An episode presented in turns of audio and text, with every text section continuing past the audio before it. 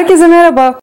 Neredir adlı serinin bu yeni içeriğinde materyalizmden bahsedeceğiz. Konuya girmeden önce bu serinin amacına çok kısa değinmek isterim. Din nedir ile başlayarak hepimizin bildiğimizi düşündüğümüz ama aslında tam anlamıyla kavrayamadığımız için düşünce sistemimizde ve bakış açımızda boşluktan yaratan bazı kavramları kısa ve öz bir biçimde açıklamanın önemli olduğunu düşündüm. Çünkü basit gibi görünen bu temel kavramları ancak net bir şekilde kavrayabilirsek inşa etmeye çalıştığımız algı seviyemize sağlam bir temel sağlayabilirler bence. Eğer henüz izlemediyseniz önceki videolara ve Ne Nedir adlı playlistime göz atmanızı tavsiye ederim. Şimdi bu videonun konusuna odaklanalım. Materyalizm nedir? Geniş anlamda materyalizm gerçekten var olduğu kanıtlanabilecek tek şeyin madde olduğu inancını taşıyan felsefi bir doktrindir.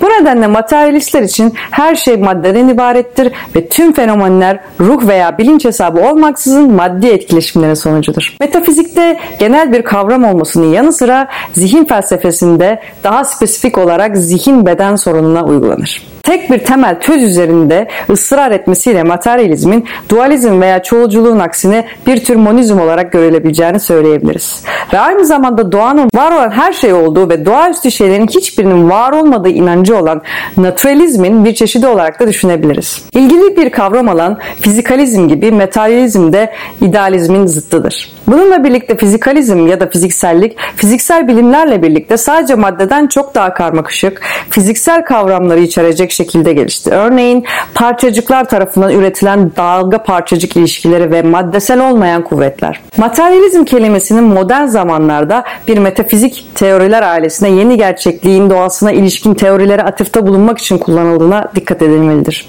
Bu en iyi şekilde bir teorinin mekanik materyalizm denilen pragmatik bir teoriye yeterince benzediği hissedildiğinde materyalist olarak adlandırdığı söylenerek tanımlanabilir. Antik Hint felsefesinin Çarkava okulu milattan önce 600 kadar erken bir tarihte bir materyalizm ve atomizm teorisi geliştirdi. Antik Yunan felsefesinde Thales, Parmenides, Anaxagoras, Demokritos ve daha sonra Epikür ve Lucretius gibi filozofların tümü kendilerinden sonraki materyalistleri şekillendirdiler ve materyalizmin klasik formasyonuna katkıda bulundular. Lucretius, materyalist edebiyatın ilk şaheseri olarak kabul edilen şeylerin doğasını M.Ö. 50 civarında yazdı. Hristiyanlığın uzun saltanatı esnasında temel gerçeklik olarak ruhun reddi kilise tarafından kınandı ve ancak 17. yüzyılda materyalizme olan ilgi bilim adamı Pierre Gassendi ve politik filozof Thomas Hobbes'ın yanı sıra Denis Diderot'un da dahil olduğu diğer Fransız aydınlanmacı düşünürler tarafından yeniden canlandırıldı. Materyalist edebiyatın ikinci şaheseri Baron Paul Dolbach'ın 1770 1970'te Fransa'da ortaya çıkan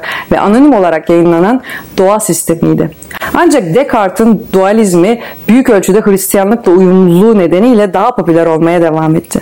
Bunu 1884'te Alman filozof Ludwig Beckner'ın Madde ve Kuvveti izledi. 19. ve 20. yüzyılda bilimin zaferleri özellikle Charles Darwin'in evrim üzerindeki çalışmaları ve atom teorisi, sinir bilim ve bilgisayar teknolojisindeki ilerlemelerle birlikte bugün filozofların çoğu muhtemelen kendilerini şu ya da bu türden materyalistler olarak tanımlayacaklardır. Umarım bu içeriğin bakış açımıza bir katkısı olmuştur. Kanalıma abone olursanız beni mutlu edersiniz. İzlediğiniz için teşekkürler.